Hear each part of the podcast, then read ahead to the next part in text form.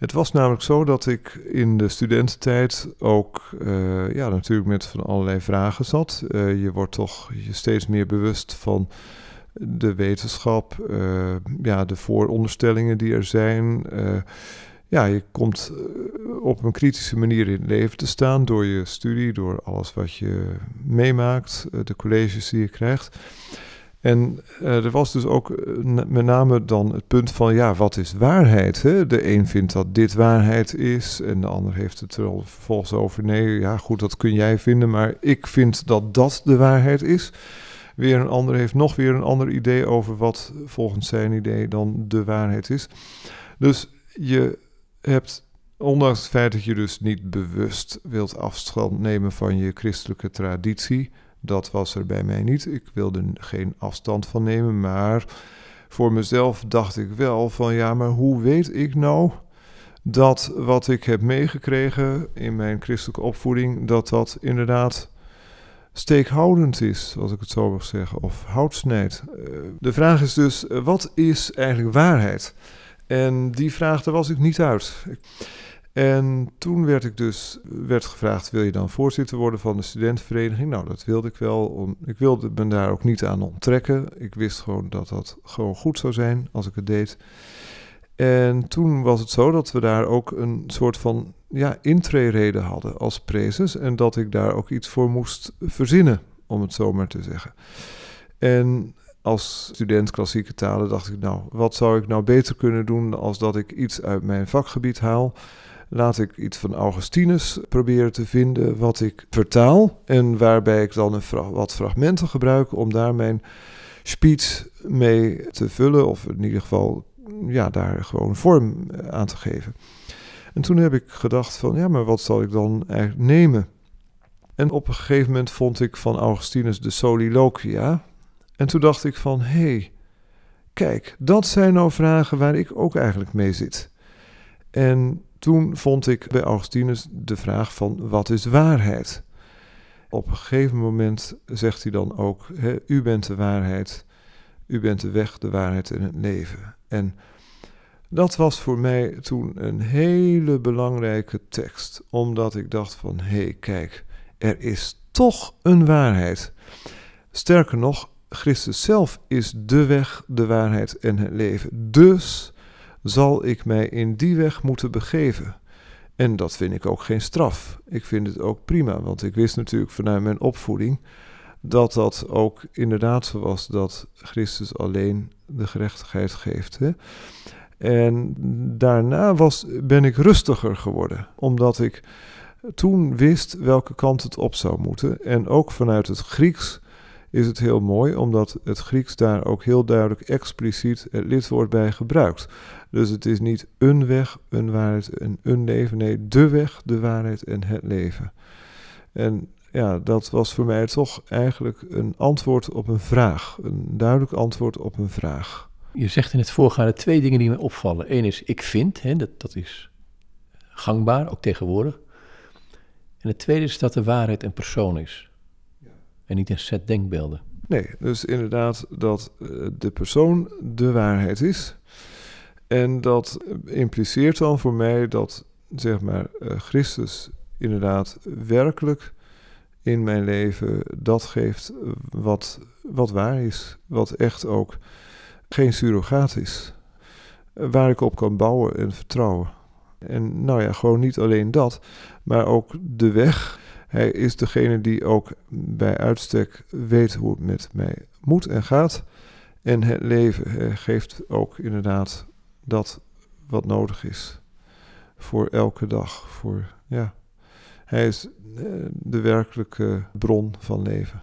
Ik zei in het voorgaande net van, eh, als je in zo'n studentenvereniging zit en denkt na over, je komt met de wetenschap in contact, je krijgt heel sterk ook de neiging dat je in discussies gaat, terecht gaat komen waar het ik vind belangrijk is. En is het dan ik vind dat Jezus de weg, de waarheid in het leven is, of is dat gewoon een waarheid die je aangereikt wordt? daar, daar zit voor mij een, een, enorm spanningsveld met deze huidige cultuur. Want als het ik vind is, dan ja, daar heb ik er maar twijfels over. Ja, ik heb het zo ervaren als dat dus, hè, dat, dat God uiteindelijk uh, tegen mij zei van, wees nou maar gerust. er is toch een waarheid en die waarheid dat ben ik. Zo heb ik dat ervaren. En uiteraard vind ik dat nu ook, omdat ik het zo heb ervaren. dat was een beetje de omgedraaide redenatie. Is Van je, hij is van buitenaf naar je toegekomen en dit wordt jouw leven. Want hij is, is, is het leven. Um, deze maatschappij zit heel erg in elkaar van ik vind. Iedereen heeft zijn mening. En dit gaat boven een mening uit, denk ik. Dit gaat uh, absoluut boven een mening uit. Want elke dag geeft me dat ook troost. Dat God de weg, de waarheid en het leven is. En dat ik daar, ja, dat ik wat dat betreft, als ik vragen heb, altijd bij Hem terecht kan. En ik moet je zeggen dat op onverwachte momenten dat dat zich ook laat zien.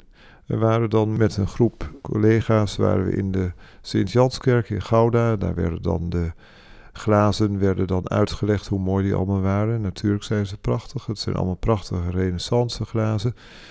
Maar toen het gezelschap, onze club met de docenten, zeg maar wat door die kerk was gelopen, liep ik ook daar nog wat rond. En toen zag ik in één keer in dat glas in het Latijn staan via veritas sum ja, dan gebeurt er wat met je. Dan denk je van, kijk, de mensen die toen leefden, voor hun was Christus ook inderdaad de weg, de waarheid en het leven. En nog steeds. Je zegt dat geeft mij troost. Wat van wezen? De troost omdat als wij zelf op zoek zouden moeten gaan naar de waarheid, misschien dat we dan wel nooit uh, inderdaad uh, bij de waarheid zouden uitkomen. Want ja, de waarheid is misschien uh, voor, voortdurend aan discussie onderhevig.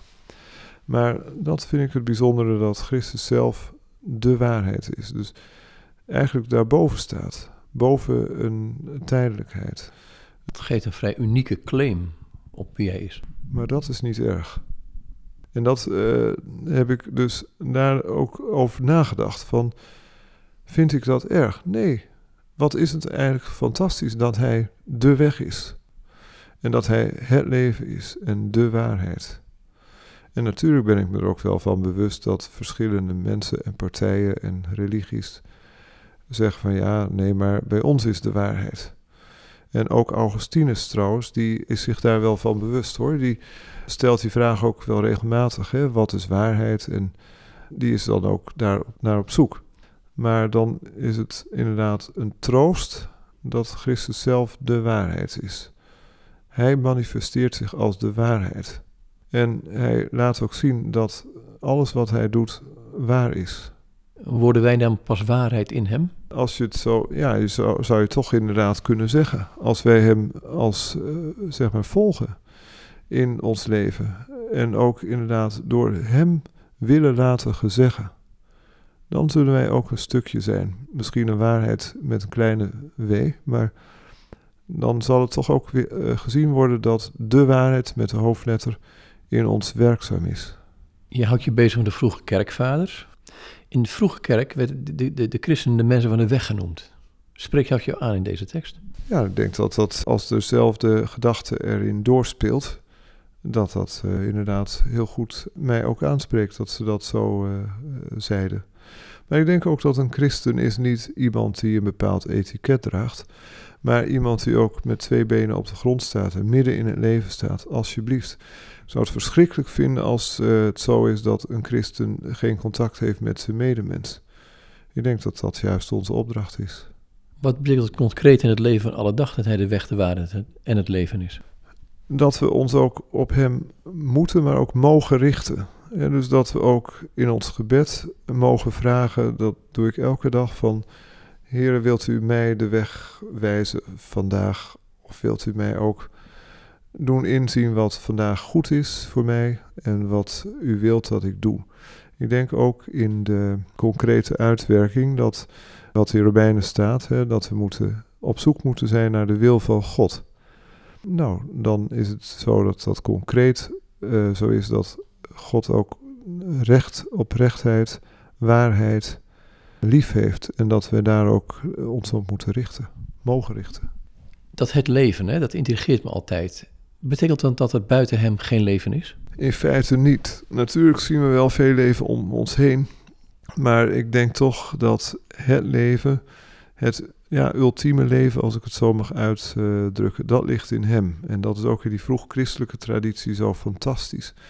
Dat Christus niet alleen gestorven is, maar hij is ook tot leven gekomen. Hij is de levensvorst. Hij geeft ons het leven, hij gunt ons het leven om ervoor te zorgen dat hij aan zijn eer komt. En dat is grandioos. Dat gaat verder dan het dagelijks leven hier. Dat heeft in wezen aansluiting, geeft het met de eeuwigheid. Dat geeft inderdaad aansluiting met de eeuwigheid. Maar vergeet niet dat ons leven hier is slechts een voorbereiding om dat wat komen gaat. En zo staat ook de vroege kerk daarin. Die zien dit leven als een soort voorbereiding op wat daarna nog komen gaat. En vergeleken met de eeuwigheid is ons leven van 100 jaar maximaal is natuurlijk een peanut. Is een deel van die tekst. Is niemand komt tot de Vader dan door mij. Um, dat is heel erg exclusief is dat. Is er geen andere weg? Ik denk toch dat je uh, moet zeggen dat dat de enige weg is.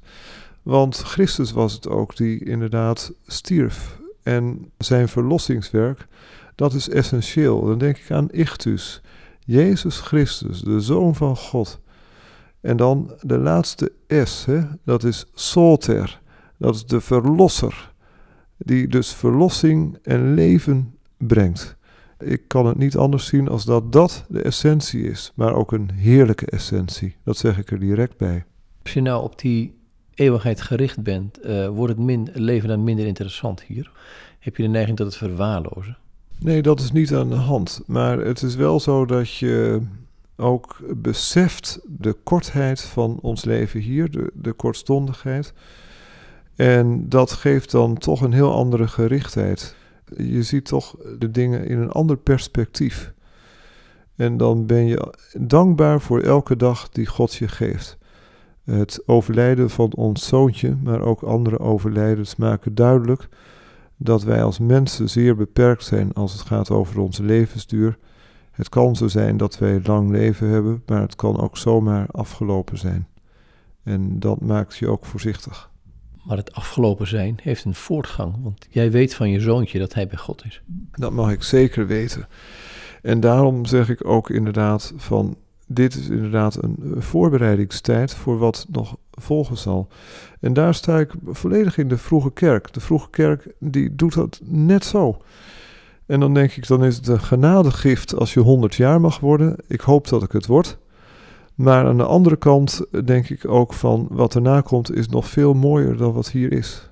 Dat is ongelooflijk mooi. En als je de natuur ziet en ziet hoe mooi die is, dan denk je van ja, dat is onbevattelijk.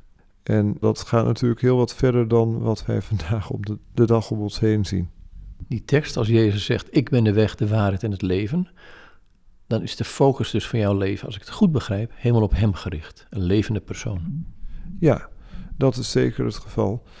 En dan zeg ik ook tegelijkertijd met die andere persoon die genoemd wordt in het Nieuw Testament: Heere, ik geloof, kom mijn ongelovigheid te hulp. En wij zijn ook natuurlijk geneigd om weer af te dwalen van Hem. Maar ik mag toch wel heel zeker weten van ja hoor, Hij is het voor mij absoluut. Hij is voor mij de weg, de waarheid en het leven. Wat fijn, wat heerlijk, wat geweldig dat Hij dat voorbij wil zijn. Hey, dankjewel. Graag gedaan.